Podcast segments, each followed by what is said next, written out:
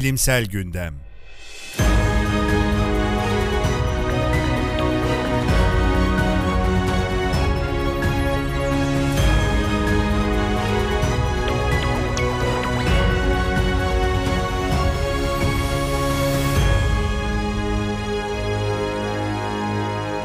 Abdi İbrahim'in hazırladığı Bilimsel Gündem'e hoş geldiniz.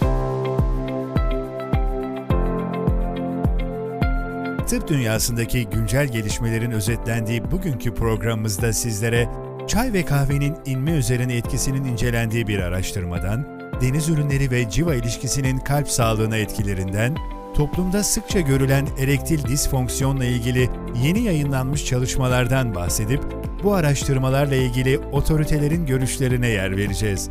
Ve ardından iz bırakanlar köşemizde Türkiye'de çocuk sağlığı alanında önemli çalışmalar yapmış olan Albert Eckstein'i tanıyacağız. Başlıyoruz.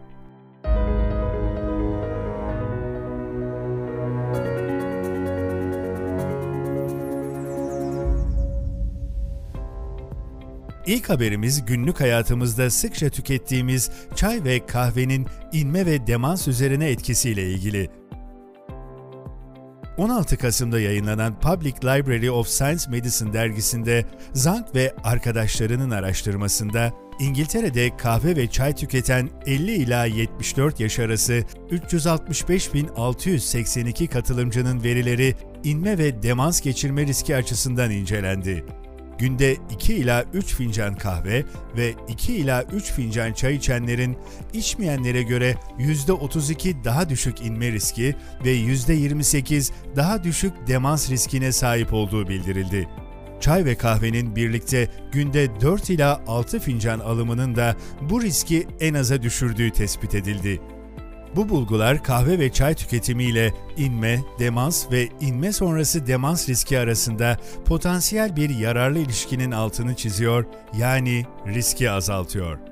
Bu konuda Yeni Yüzyıl Üniversitesi Tıp Fakültesi Nöroloji Anabilim Dalı'ndan doktor öğretim üyesi Metin Dedeyi Daryan şunları ekledi.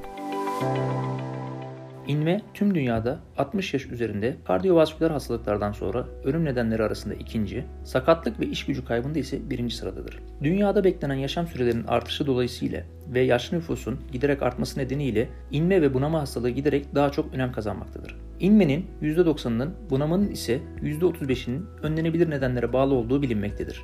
Bu hastalıklara bağlı ileride gelişecek ölüm, sakatlık ve iş gücü kaybını en aza indirmek için yapılan ve yapılacak çalışmalar çok önemlidir. Önceki çalışmalarda belli bir miktarda kafein tüketiminin oksidatif hasarı önleyerek Alzheimer hastalığında rol oynayan nöronal plak oluşumunu azaltabileceği ortaya konulmuştu. Birleşik Krallık'ta yapılan bu çalışmada ise kahve ve çayın ayrı ayrı veya birlikte tüketiminin bu iki hastalığa yakalanma oranını düşürdüğü saptanmış. Bu kadar geniş verilere sahip olunan bir çalışmada çay, kahve tüketimine kişileri rastgele atayamamak çalışma açısından belki eleştirel bir taraf olabilir ama tüm gruplarda inme ve demansa yakalanma riskinin düşük saptanması bu konuda daha fazla çalışmaya ihtiyaç olduğunu göstermiştir. Bu çalışma sonuç olarak çay ve kahvenin belli miktarlarda ayrı ayrı veya kombine şekilde tüketilmesinin inme veya demans riskini düşürdüğüne dair ilginç bir öneri olmuştur.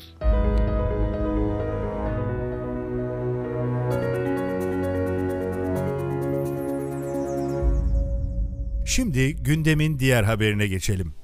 JAMA Network Open Aralık sayısında yayınlanan San ve arkadaşlarının araştırmasında deniz ürünü tüketimi ve buna bağlı vücutta birikebilecek civanın kalp sağlığı üzerine etkisi araştırıldı.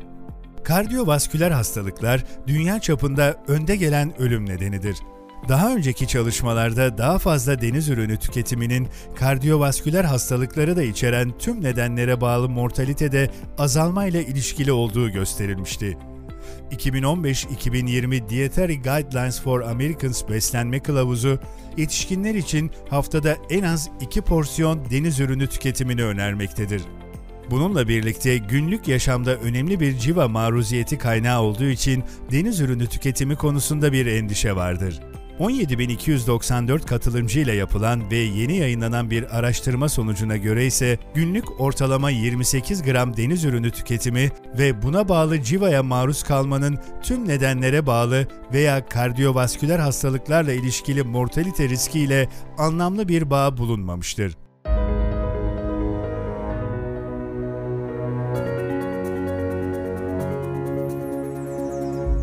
Sıradaki haberimizde toplumda sıkça görülen bir patoloji olan erektil disfonksiyon ve nispeten az görülen bir hipofiz tümörü olan prolaktinoma ile ilgili bir vaka sunumundan bahsedeceğiz. Erektil disfonksiyon, tatmin edici cinsel performans için yeterli penis ereksiyonunun sağlanamaması ve sürdürülememesi olarak tanımlanmaktadır. Yaklaşık 10 yıldır erektil disfonksiyon şikayeti olan hastada yapılan tetkiklerde kanda prolaktin değerinin yüksek olduğu ve sonrasında yapılan beyin manyetik rezonans görüntülemesinde 5 mm boyutunda iyi huylu bir hipofiz tümörü olan prolaktinoma ile uyumlu kitle saptandığı belirtildi. Vaka sunumunda prolaktinomanın uygun tedavisinden sonra erektil disfonksiyon ve cinsel istekte düzelmeler olduğu kaydedildi. Konuyla ilgili üroloji uzmanı doçent doktor Murat Tüken'in yorumlarını alacağız. Erektil disfonksiyon en az 6 ay süreli olarak cinsel ilişkilerin tümünde veya neredeyse tümünde cinsel etkinlik sonuçlanana kadar sertleşmeyi sağlayamama, sürdürememe veya yetersiz sertleşmenin olmasıdır. Erektil disfonksiyon kişinin yaşam kalitesini etkileyen önemli bir cinsel sağlık sorunudur ve 40 yaş üstü erkeklerin yaklaşık %30'unda görülmektedir. Altta görülen neden psikolojik veya organik olabilir. Organik nedenler vasküler, nörojenik, hormonal patolojiler olabiliyor. Bu vakada hormonal patolojiye örnek vereceğimiz enteresan bir vaka olmuş. 10 yıllık bir süreçte devam eden ve bu süreç sonunda erektil disfonksiyon nedeni araştırılırken saptanmış bir hipofiz tümörü görüyoruz. Mevcut hastalığın tedavisi sonrası cinsel fonksiyonları tekrar normale dönmüş hastamızın. Erektil disfonksiyonda prolaktinoma görülme oranı %5 olduğundan tanı aşamasında hormonal değerlendirme yapılırken prolaktin seviyeleri de mutlaka kontrol edilmelidir.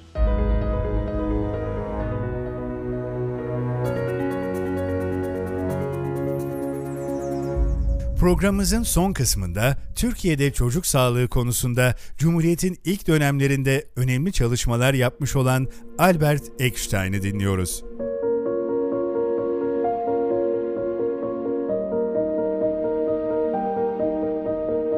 Ben Albert Eckstein. 1891 yılında Almanya'da doğdum ve tıp eğitimimi çocuk sağlığı ve hastalıkları uzmanlığında yaparak burada tamamladım. Ülkem için Birinci Dünya Savaşı'nda da yer aldım ve Demir Haç Madalyası ile ödüllendirildim. Lakin nasyonel sosyalizmin antisemitik uygulamaları sonucu yurdumu terk etmek zorunda kaldım. Bana Türkiye kucak açtı. 1935 yılında Ankara'ya gelerek Numune Hastanesi'nde çalışmaya başladım. Türkiye'ye gelişimde önemli rol oynayan dönemin Sağlık Bakanı Refik Saydam tarafından Anadolu'daki sağlık problemlerini yerinde görmem istendi. Temmuz 1937'de başladığımız bu çalışmada köy köy, ev ev gezerek sağlık durumlarını izledik, veriler topladık. Bu araştırmalar Türkiye nüfusun önemli bir kesiminde sağlık ve nüfus istatistiklerinin yapılmasına ilişkin ilk girişimdi özellikle anne doğurganlığı ve çocuk ölümleri üzerine çıkardığımız rakamlar sonraki planlama için çok yol gösterici olmuştur. Çocuk ölümlerinin %50 olduğu o zamanın Türkiye'sinde henüz düzenli bir çocuk kliniği yoktu ve Ankara Üniversitesi'nde çocuk polikliniği kurulması için çalıştım. 5 yıl boyunca buranın kurucu direktörlüğünü yaptım. O dönemler asistanım olan İhsan Doğramacı sonraki yıllarda Türkiye'de tıp alanında köklü değişiklikler yaptı. Tüm bu olaylarda Tabii ki Atatürk'ün 1933 yılında uygulamaya soktuğu üniversite reformunun etkisi büyüktür. Ekim 1938'de Ankara'da ilk Türk Pediatri Kongresi'ni düzenledim ve sadece çocuk sağlığı ve hastalıkları üzerine yazılmış ilk iki ders kitabını yayınladım. 1950 yılında yıllar sonrasında ülkeme dönebildim. Ama birkaç ay sonra kalp krizi nedeniyle aranızdan ayrıldım. Bugünkü programımızın böylece sonuna geldik. 15 gün sonra yeni bilimsel gelişmeleri paylaşacağımız programımızda görüşmek üzere.